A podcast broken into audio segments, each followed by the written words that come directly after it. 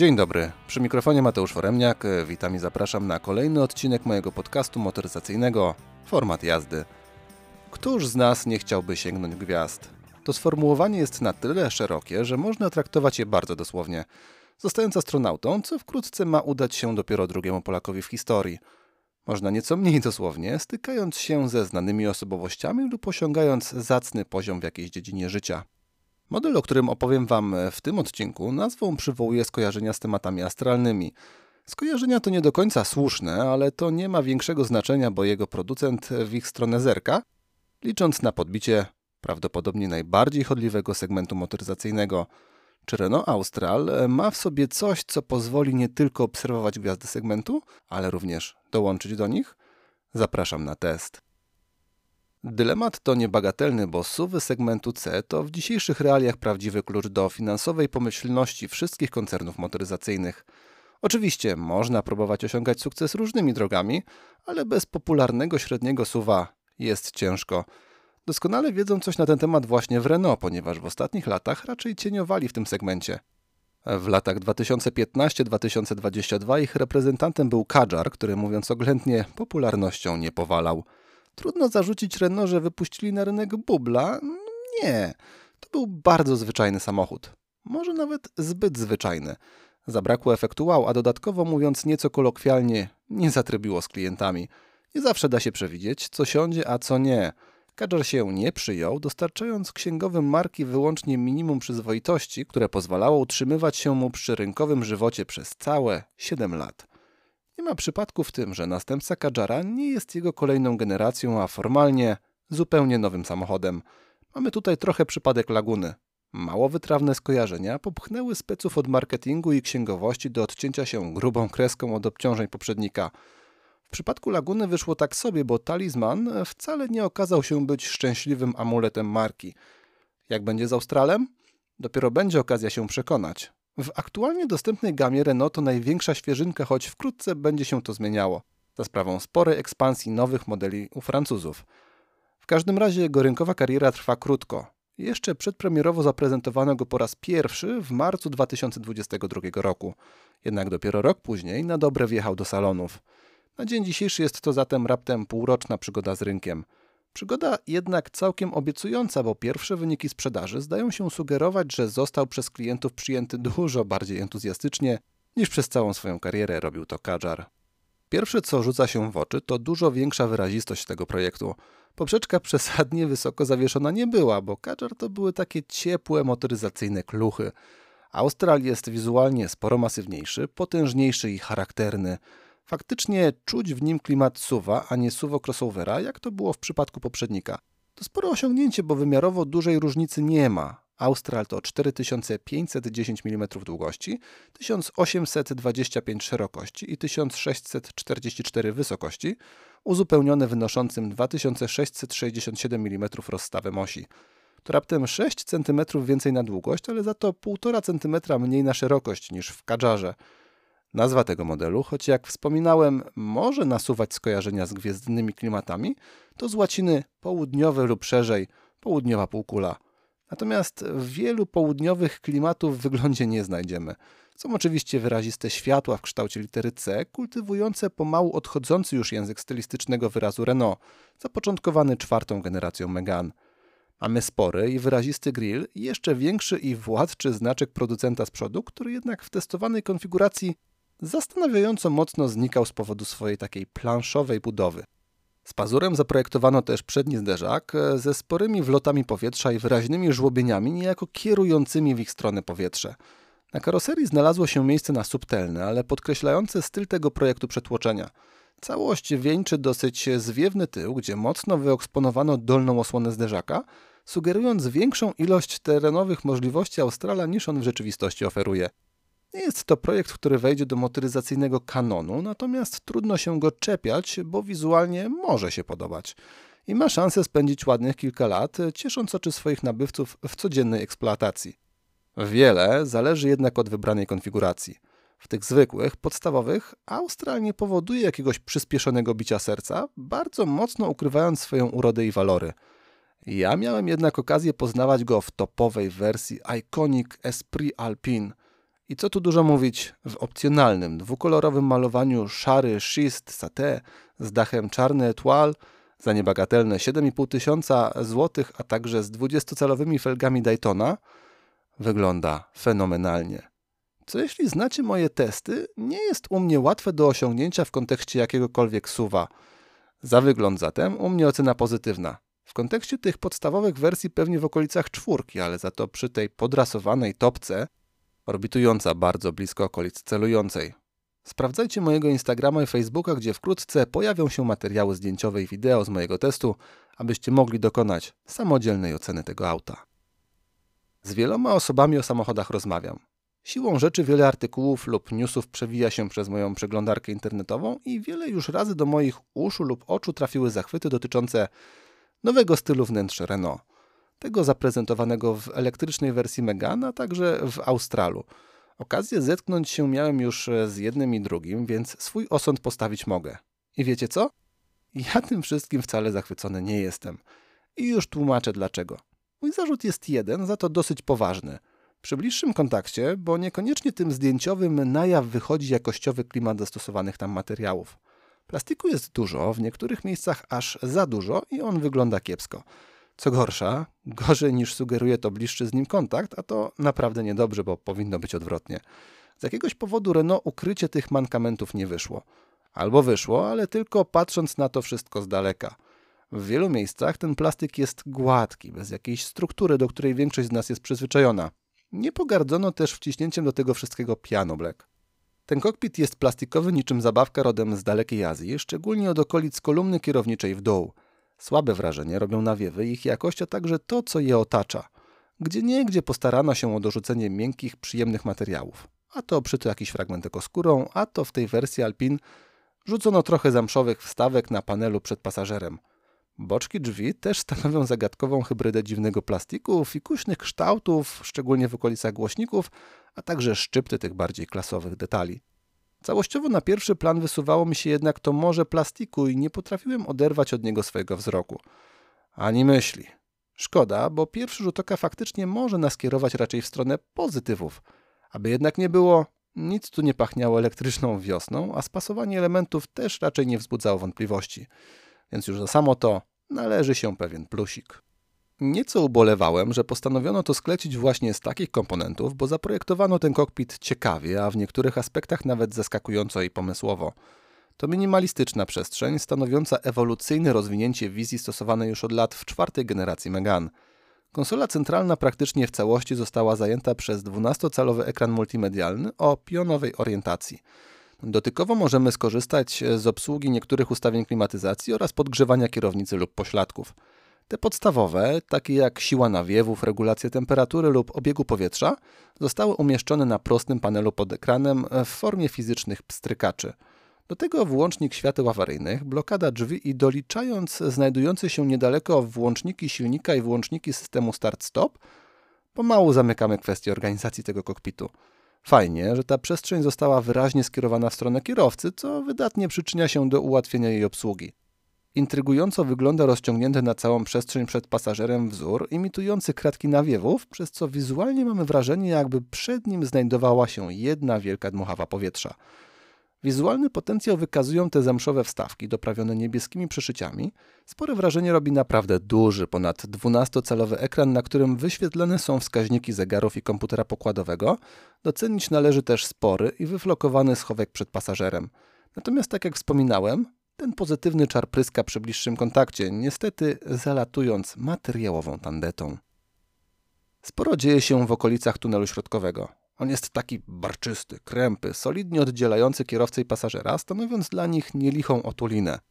Do tego został wyposażony nie tylko w podłokietnik, ale również pod nadgarstnik. Może i słowotwórstwo, ale uzasadnione, bo znalazła się tutaj część, do której idealnie taka nazwa pasuje.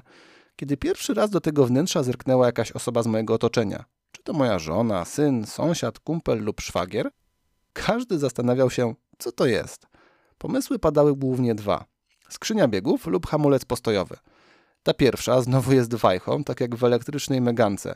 Znowu znalazła się w mało intuicyjnym miejscu, z lubością fundując nam psikusy polegające na pomyłce jej z wajchą od wycieraczek lub odwrotnie. Ręczny za to został nieco skitrany w okolicach niewielkiego panelu przycisków na lewo od kolumny kierowniczej. I nadal jest przyciskowy, tak jak już przez lata przyzwyczaili się klienci Renault. Za to ta tajemnicza konstrukcja na tunelu środkowym to właśnie podpórka pod nasz nadgarstek, dzięki której albo wygodniej możemy sobie jechać, albo zyskać na komforcie obsługi tego ekranu multimedialnego.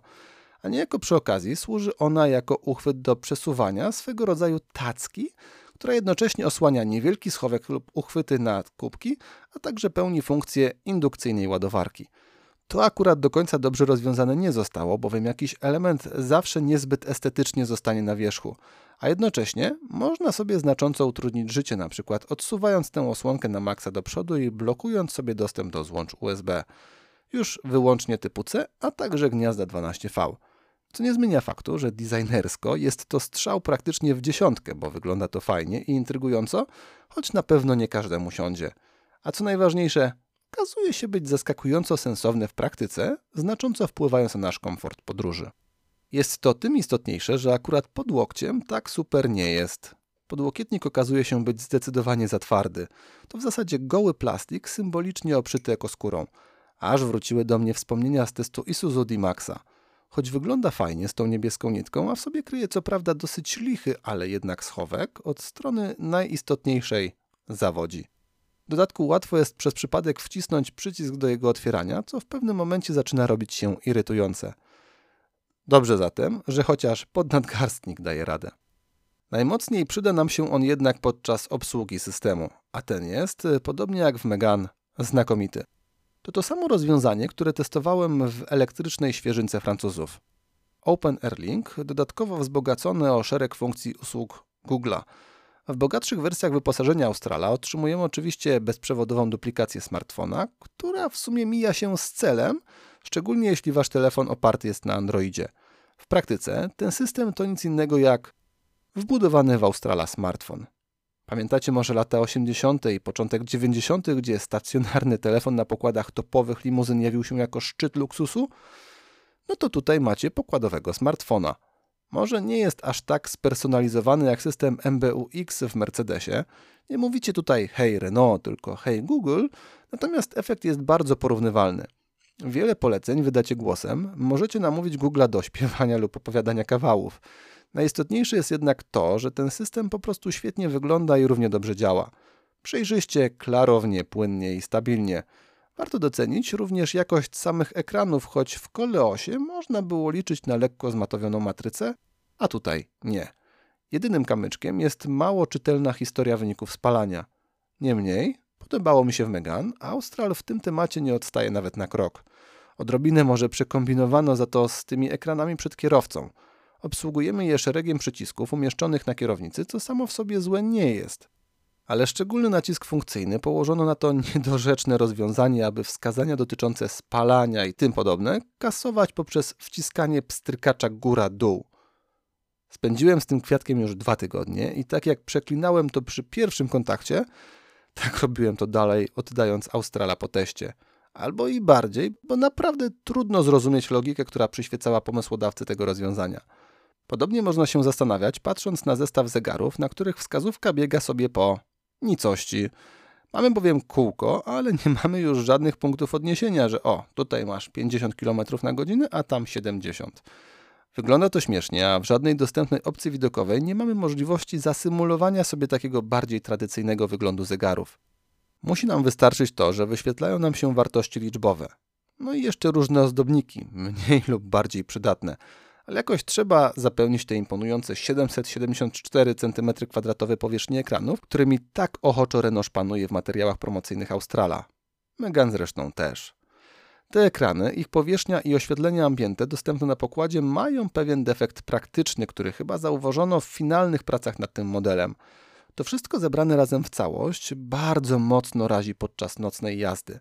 Szczególnie w trybie Eco, który domyślnie jest okraszony takim jaskrawo jasnym oświetleniem nastrojowym. Owszem, można sobie to wszystko prosto przyciemnić pstrykaczem umieszczonym w okolicach hamulca postojowego. Ale to nie do końca rozwiązuje nasz problem, bowiem nadal jest światła w kabinie sporo i ono męczy, a także rozprasza. Więc ekrany duże, światełka spektakularne, ale no nie do końca to wszystko zagrało praktycznie. C-klasa może i miała tego wszystkiego nawet więcej, ale potrafiła jakoś się subtelniej zgrać z ciemnością. Austral ma z tym swoje problemy. Problematyczne, przynajmniej na początku, może być też dla wielu osób korzystanie z kierownicy. To znowu jest rozwiązanie znane już z elektrycznego Megane, reprezentujące, nie ukrywam, specyficzny jej format. Wyraźnie spłaszczone na dole i na górze, dodatkowo z dosyć mocno ukośnymi ramionami. Daleko jej do klasycznego kształtu, do tego jest też dosyć masywna. I choć wspominałem, że wiele osób może mieć problemy, aby się z nią polubić, ja do tego grona się nie zaliczam. Pasuje mi ona bowiem bardzo. Lekki dreszczyk uznania powodowały też trójkolorowe nawiązujące do francuskiej flagi przeszycia, no i czułem się z nią świetnie. Tym bardziej, że odpowiada za obsługę bardzo sensownego układu kierowniczego. Austral, jak na niemałego już suwa, prowadzi się zaskakująco rasowo. Spora w tym zasługa też dużych felk i niskoprofilowej opony. W połączeniu z dosyć wypośrodkowanym zawieszeniem, które trochę przypominało mi to, co pamiętam z testu Captura, otrzymujemy auto o bardzo przyjemnej charakterystyce drogowej. Jedziemy sobie spokojnie, w granicach rozsądku Austral ze wszystkim sobie poradzi, nie wyprowadzając nas na wycieczkę w krzaki. Co prawda w tej topowej wersji może wysyłać nam niejednoznaczne sygnały, ale nie idźcie za nim w tę stronę. Sportu lepiej unikać, bo przy nieco szybszych zakrętach ma to wszystko tendencję do przechyłów, choć uczciwie muszę przyznać, nie od razu towarzyszy temu pragnienie podsterowności. Być może jest to zasługa jednego z 32 systemów wspomagających prowadzenie. A można przecież jeszcze dorzucić system czterech kół skrętnych for control. Tak czy siak, układ kierowniczy i zawieszenie wędrują na stronę plusów Australa. Choć 11,5 metrowa średnica zawracania może nas za pierwszym razem srogo zdziwić. Pobuje nas zatem przyjemnie, całkiem miło sobie pokręcimy kierownicą, a jak z pozostałymi atutami komfortu. Wyciszenie jest rozczarowujące, bo jednak przy wyższych prędkościach sporo szumu trafia do wnętrza kabiny. Oczywiście sporą rolę grają w tym temacie laczki założone na te konkretne felgi, ale i tak szału nie ma. Tęskniłem za nieco bardziej miękkimi fotelami, ponieważ te obecne na pokładzie okazały się dosyć twarde i to wcale niekoniecznie w dłuższej trasie. Co mi się rzuciło w oczy, to biorąc pod uwagę topowy charakter tej konfiguracji, zupełnie nijaki wygląd tych foteli. Ani nie są ekskluzywne, ani nie są sportowe. Mają niby trochę alkantary, niebieskie przeszycia i znaczki Alpin, ale wyglądają mdło i zupełnie bez wyrazu.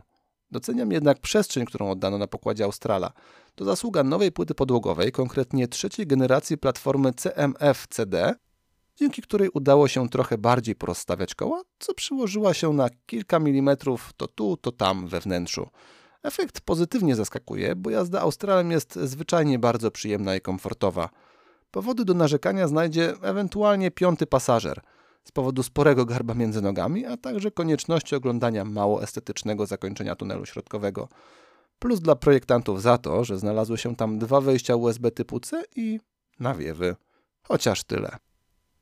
Nie wszędzie udało się jednak uzyskać aż tak dobre efekty przestrzenne. Tak, bagażnik nie domaga. To nie jest zła przestrzeń, bo zorganizowano ją bardzo sensownie – jest kształtnie, są podstawowe elementy w stylu gniazda 12V i wieżaczków, ogarnięto temat koła zapasowego, nawet próg załadunku. Co prawda konkretny, ale jednak nie morderczy. Tylko co z tego, skoro jest ciasno? W podstawie to podobno równe 500 litrów. Brzmi nieźle, gorzej znosi konfrontację z rzeczywistością. Można się poratować składaniem kanapy, która dzieli się w proporcji 60 na 40. Uzyskujemy wtedy 1525 litrów, Możemy to zrobić też od strony kabiny pasażerskiej za pomocą łopatologicznych paseczków do ciągnięcia. Niestety, ruchy górotwórcze zrobiły tu swoje. Może nie są to Tatry, a bardziej góry świętokrzyskie, ale pagórek jest, płaskiej podłogi nie ma, utrudnienie robi nam się znaczne. Renault chwali się w swoich materiałach modułowością tego wnętrza, że niby możecie sobie tutaj tak super wszystko poskładać, poprzesuwać i będzie wam jak w niebie.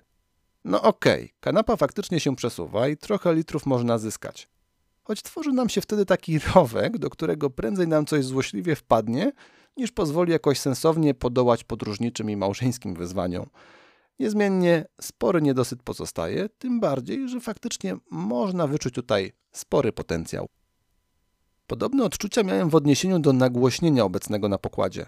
Znalazł się tutaj bowiem opcjonalny pakiet firmy Harman Kardon, wymagający dopłaty 4500 zł. Z pewnością grało to lepiej niż pierwsze lepsze podstawowe głośniki, ale aby urywało cokolwiek, wprawiało karoserię w wibracje, a nasze ciało w ekstazę? No nie. Cztery i pół koła spokojnie można sobie zostawić w kieszeni. Albo schować do schowka na okulary, które zintegrowano z lusterkiem na tylną kanapę. Powiem szczerze, uwielbiam to rozwiązanie. Proste, trywialne, a mega skuteczne i zwyczajnie przydatne, szczególnie jeśli ktoś ma dzieci. Natomiast w Australii okazało się, że nawet tak prosty pomysł można, no powiedzmy, że sknocić.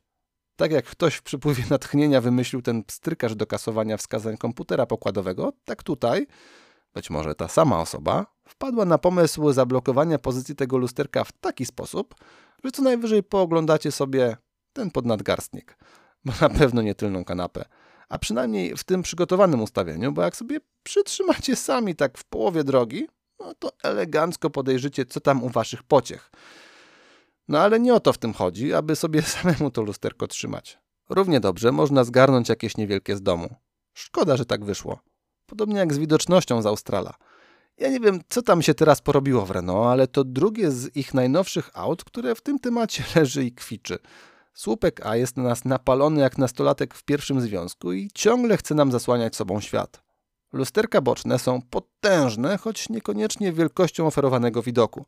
Za to swoimi rozmiarami zasłaniają nieliczne szparki, którymi moglibyśmy jeszcze coś tam dostrzec. No i ta tylna szyba. Pełni głównie funkcje dekoracyjne, co jest zastanawiające, biorąc pod uwagę jej wygląd zewnętrzny. Jeśli liczycie na to, że kamery cofania jakoś wielce się tutaj przyczynią, to muszę Was znowu wyprowadzić z błędu. W testowanej wersji były one konkretnie rozbudowane, a wisienką na torcie był widok 360 stopni. Wszystko byłoby naprawdę super, gdyby dołożono trochę więcej jakości do nich. Ich rozdzielczość była naprawdę kiepska, a z 4K to miała tyle wspólnego, co występy naszych piłkarzy na mundialu, które w pamiętnych słowach podsumował Jacek Laskowski. A symulacja naszego auta, mająca dać nam orientację w tej filmowej rzeczywistości, Ech, aż mi się przypomniały pierwsze Need for Speedy, w które grałem jeszcze w poprzednim tysiącleciu. W szkolnej skali trójka. Może z plusem, bo jednak co by nie mówić, postarano się o sporo widoków i mimo wszystko jest to powód do docenienia. Podsumowując, wnętrze Australa w stronę gwiazd sobie zerka. W moim odczuciu trochę mu brakuje, aby na stałe zagłościć na nieboskłonie. Bardziej jest jak kometa, Potrafi zachwycić, e, zahaczyć o spektakularność, ale nie trwa to długo i finalnie pozostaje z nami pewien niedosyt. Choć potencjał jest i wielu osobom może to wszystko wystarczyć. Tym oto sprytnym sposobem przedstawiłem Wam też zapowiedź dotyczącą napędu obecnego na pokładzie Australa. Popatrząc na dane techniczne, w każdej wersji jest dokładnie tak, jak przed chwilą opisałem. Potencjał się tli, w niektórych aspektach zahaczamy o coś fajnego, ale finalnie no nie do końca nas to wszystko zachwyci. Choć dla wielu i tak będzie w sam raz. Opcji wielu nie mamy, a to, co jest dostępne dopiero od niedawna, zyskało opcję jakkolwiek nawiązującą do tych sportowych nawiązań Alpin. Austral zadebiutował z dwiema jednostkami napędowymi. Miękkimi hybrydami o pojemności 1,3 litra i mocy 140 lub 160 koni mechanicznych. Niedawno do sprzedaży trafiła jednak 200-konna hybryda o pojemności 1,2 litra – według oficjalnych danych jest w stanie pogonić Australa do setki w 8,4 sekundy. W kosmos może nas nie wystrzeli, ale jest to jednak już przyzwoity wynik.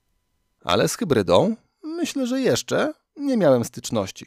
Trafiła do mnie za to ta mocniejsza wersja miękkiej hybrydy.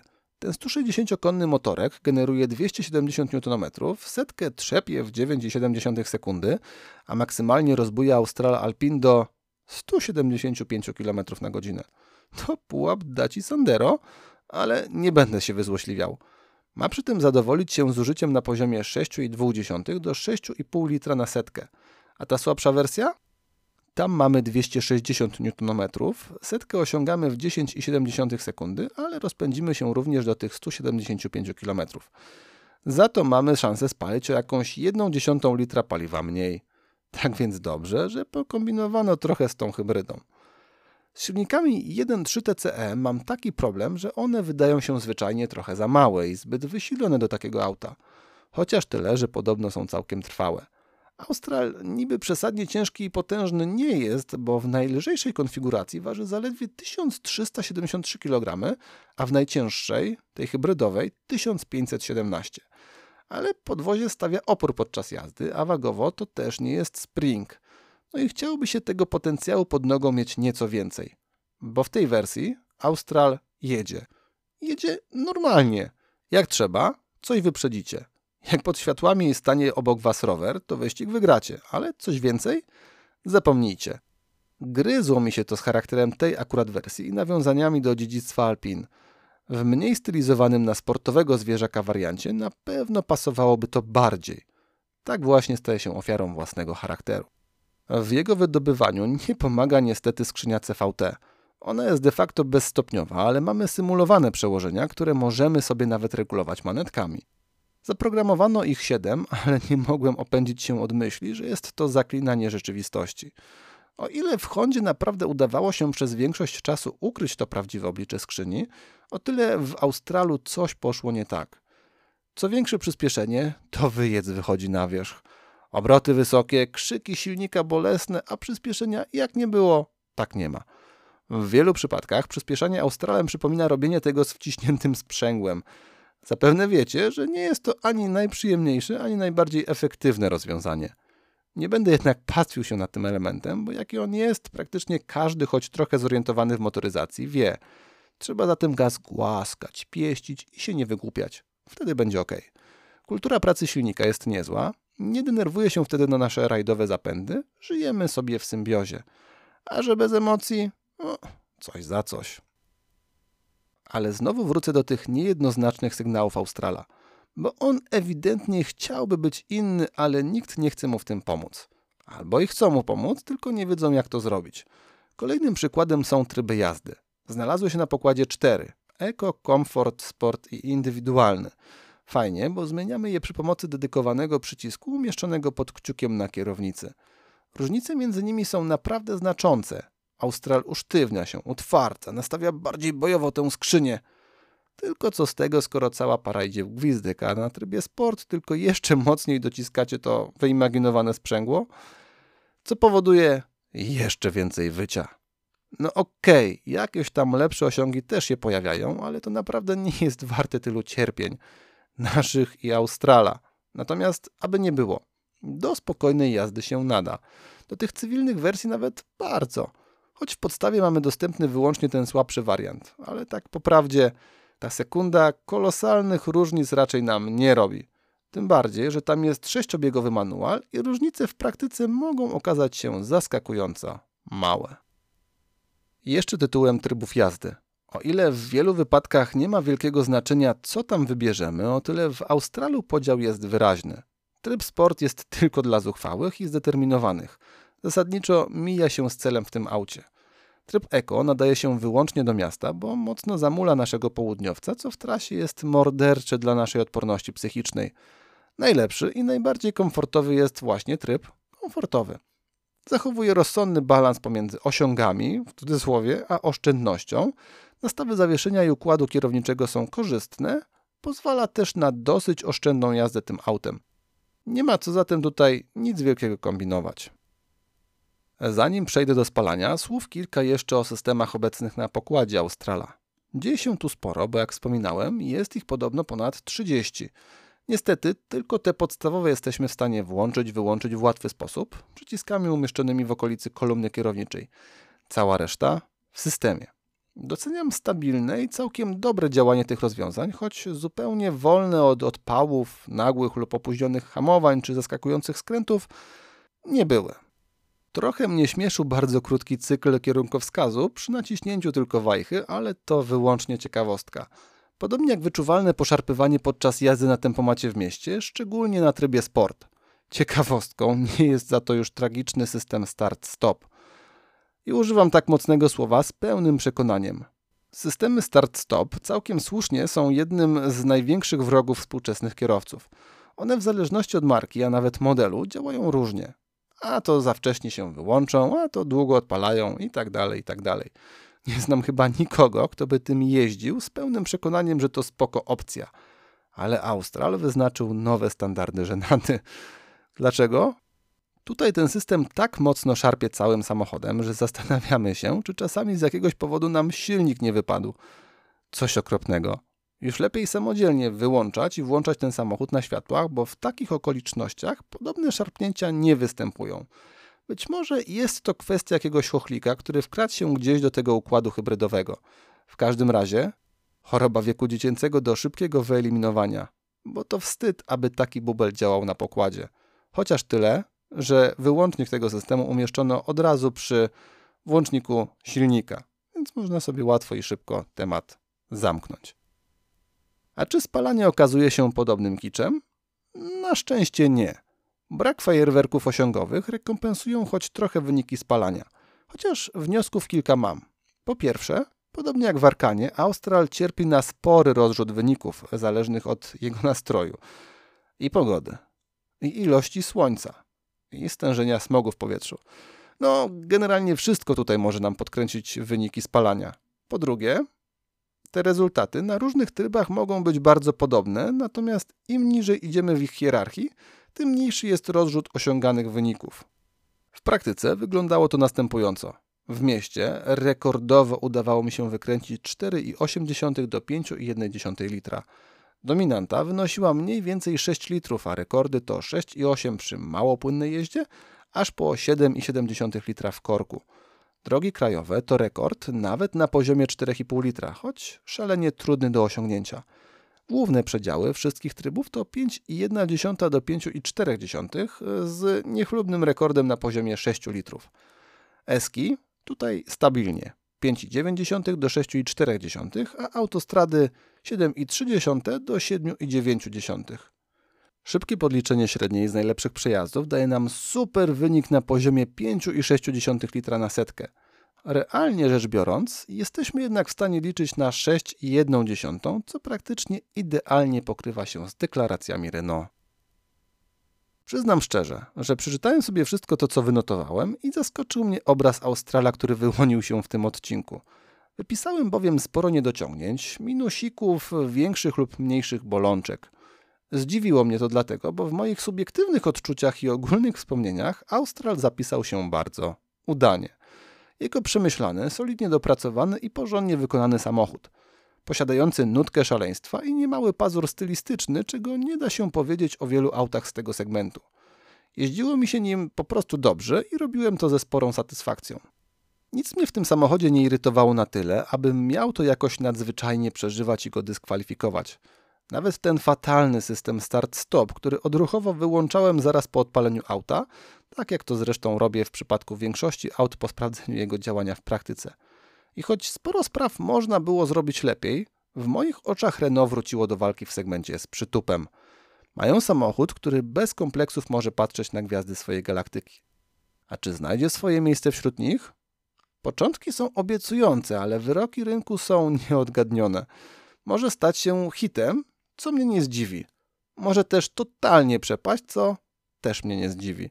Tym bardziej, że bardzo blisko segmentowo i pod wieloma innymi względami w gamie samego Renault jest Arkana. A to przecież super modny i super pożądany obecnie SUV coupé. No ciekawy jestem, jak to wyjdzie na przestrzeni czasu. Tym bardziej, że Austral wcale jakoś super mega korzystnie nie został wyceniony. Podstawowa i średnio atrakcyjna, szczególnie wizualnie, wersja Evolution ze słabszym 140-konnym silnikiem hybrydowym i manualną skrzynią biegów została wyceniona na 135 900 zł.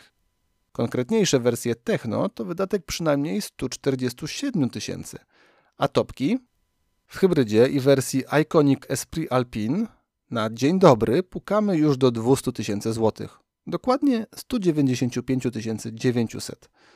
204 300 zł to cena testowanego egzemplarza. A jaką kwotą zamykamy opcję? Z systemem czterech kół skrętnych i panoramicznym dachem równo o stówkę przekraczamy pułap 230 tysięcy złotych. Co tu dużo mówić, w takim kontekście Austral odleciał do gwiazd. Nie za bardzo znajduje uzasadnienie dla takiej wyceny. I to jest chyba aktualnie największy problem tego samochodu. Co sprawia, że najpoważniejsze rynkowe kłody Renault rzuca sobie samo. W tym odcinku to już wszystko z mojej strony. Serdecznie zapraszam do kontaktu oraz słuchania kolejnych testów. Pamiętajcie też, aby obserwować format jazdy na Instagramie i Facebooku. Dziękuję za uwagę i do usłyszenia.